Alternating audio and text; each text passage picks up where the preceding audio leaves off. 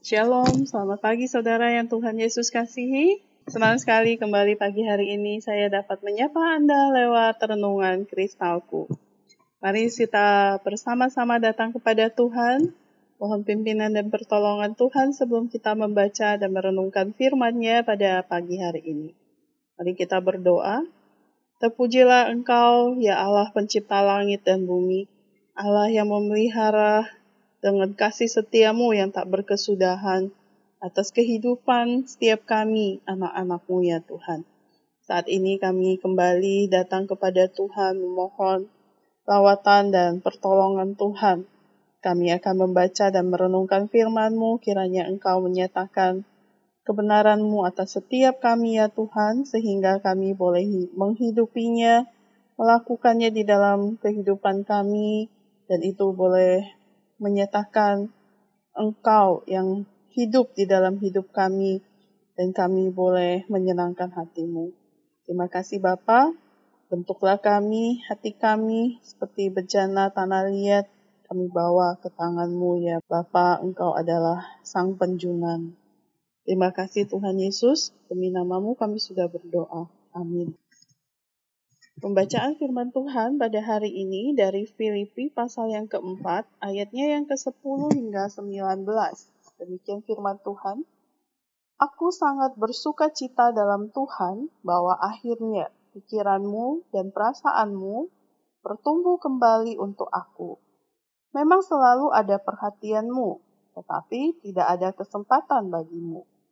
Kukatakan ini bukanlah karena kekurangan, sebab aku telah belajar mencukupkan diri dalam segala keadaan.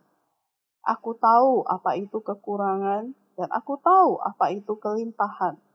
Dalam segala hal dan dalam segala perkara, tidak ada sesuatu yang merupakan rahasia bagiku, baik dalam hal kenyang maupun dalam hal kelaparan, baik dalam hal kelimpahan maupun dalam hal kekurangan Segala perkara dapat kutanggung di dalam Dia yang memberi kekuatan kepadaku. Namun baik juga perbuatanmu bahwa kamu telah mengambil bagian dalam kesusahanku.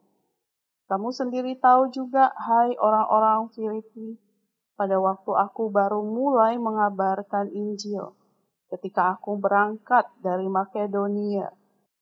Tidak ada satu jemaat pun yang mengadakan perhitungan hutang dan piutang dengan aku selain daripada kamu. Karena di Tesalonika pun kamu telah satu dua kali mengirimkan bantuan kepadaku. Tetapi yang kuutamakan bukanlah pemberian itu, melainkan buahnya yang makin memperbesar keuntunganmu.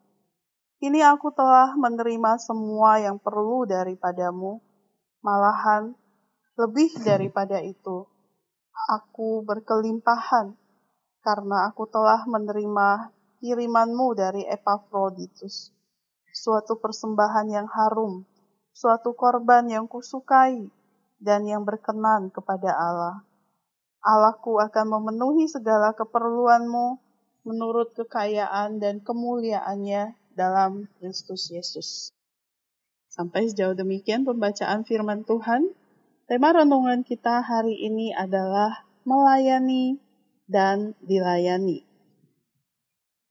Marilyn telah sakit beberapa minggu lamanya, dan banyak orang menguatkannya sepanjang masa-masa sulit tersebut. Bagaimana aku dapat membalas semua kebaikan mereka? Pikir Marilyn dengan cemas. Kemudian suatu hari, ia membaca doa yang tertulis demikian. Berdoalah agar orang lain semakin rendah hati, sehingga mereka tidak hanya bersedia melayani, tetapi juga mau dilayani. Marilyn pun menyadari bahwa balasan yang setimpal itu tidak diperlukan, tetapi ucapan terima kasih dan mengizinkan orang lain menikmati sukacita dari melayani saja sudah cukup. Di Filipi 4, Rasul Paulus mengungkapkan rasa syukurnya kepada semua orang yang mengambil bagian dalam kesusahannya. Paulus bergantung pada dukungan orang lain dalam pelayanannya, berkhotbah dan mengabarkan Injil. Ia menyadari bahwa pemberian yang dikirimkan kepadanya di saat ia sedang membutuhkan itu merupakan wujud kasih mereka kepada Allah. Di dalam ayat 18 dalam terjemahan bahasa Indonesia sehari-hari dikatakan demikian.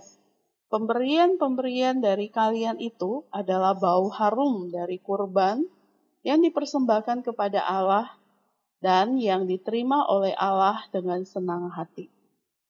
Mungkin kamu tidak merasa nyaman menerima bantuan, terutama jika kamu sudah terbiasa mengambil inisiatif untuk memberikan bantuan kepada orang lain.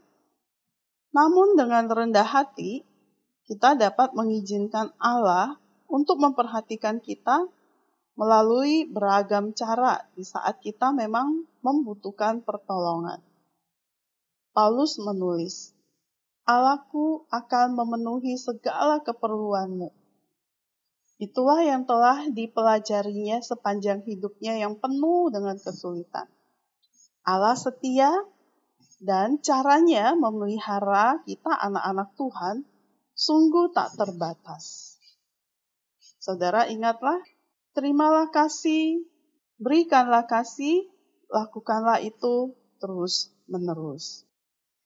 Demikian firman Tuhan, mari kita berdoa.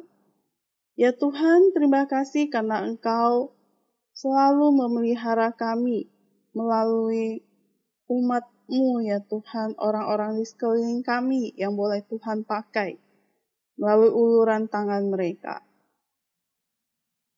Kiranya kami dapat memberi dan menerima bantuan dengan murah hati juga ya Tuhan. Terima kasih Bapak di dalam surga. Kami sungguh bersyukur bahwa Engkau Allah yang tidak pernah meninggalkan kami. Engkau memelihara kami dan Engkau tidak pernah membiarkan kami berjalan sendirian. Kami bersyukur Tuhan pimpin kami lewati hari-hari yang panjang di sepanjang tahun ini ya Tuhan. Dan kami bersyukur Engkau sudah menyertai, memimpin kami bersama-sama lewati masa-masa yang sulit ini. Kami berdoa Tuhan berkati Bapak Ibu Guru, Tuhan berkati orang tua yang bekerja, selalu ada pengharapan, kasih kepada Tuhan, dan mempercayakan hidup dalam pemeliharaanmu. Terima kasih Bapak. Kami juga serahkan pemerintah kami. Tuhan juga pimpin. Tuhan juga selalu karuniakan hikmat atas mereka. Pakai mereka untuk boleh menjadi alat berkat-Mu Tuhan, secara khusus di tanah Papua ini. Terima kasih Bapak. Kami mengucap syukur dan berdoa demi nama Tuhan Yesus. Amin. Selamat beraktivitas. Bersama Yesus, aku bisa bergerak dan berubah.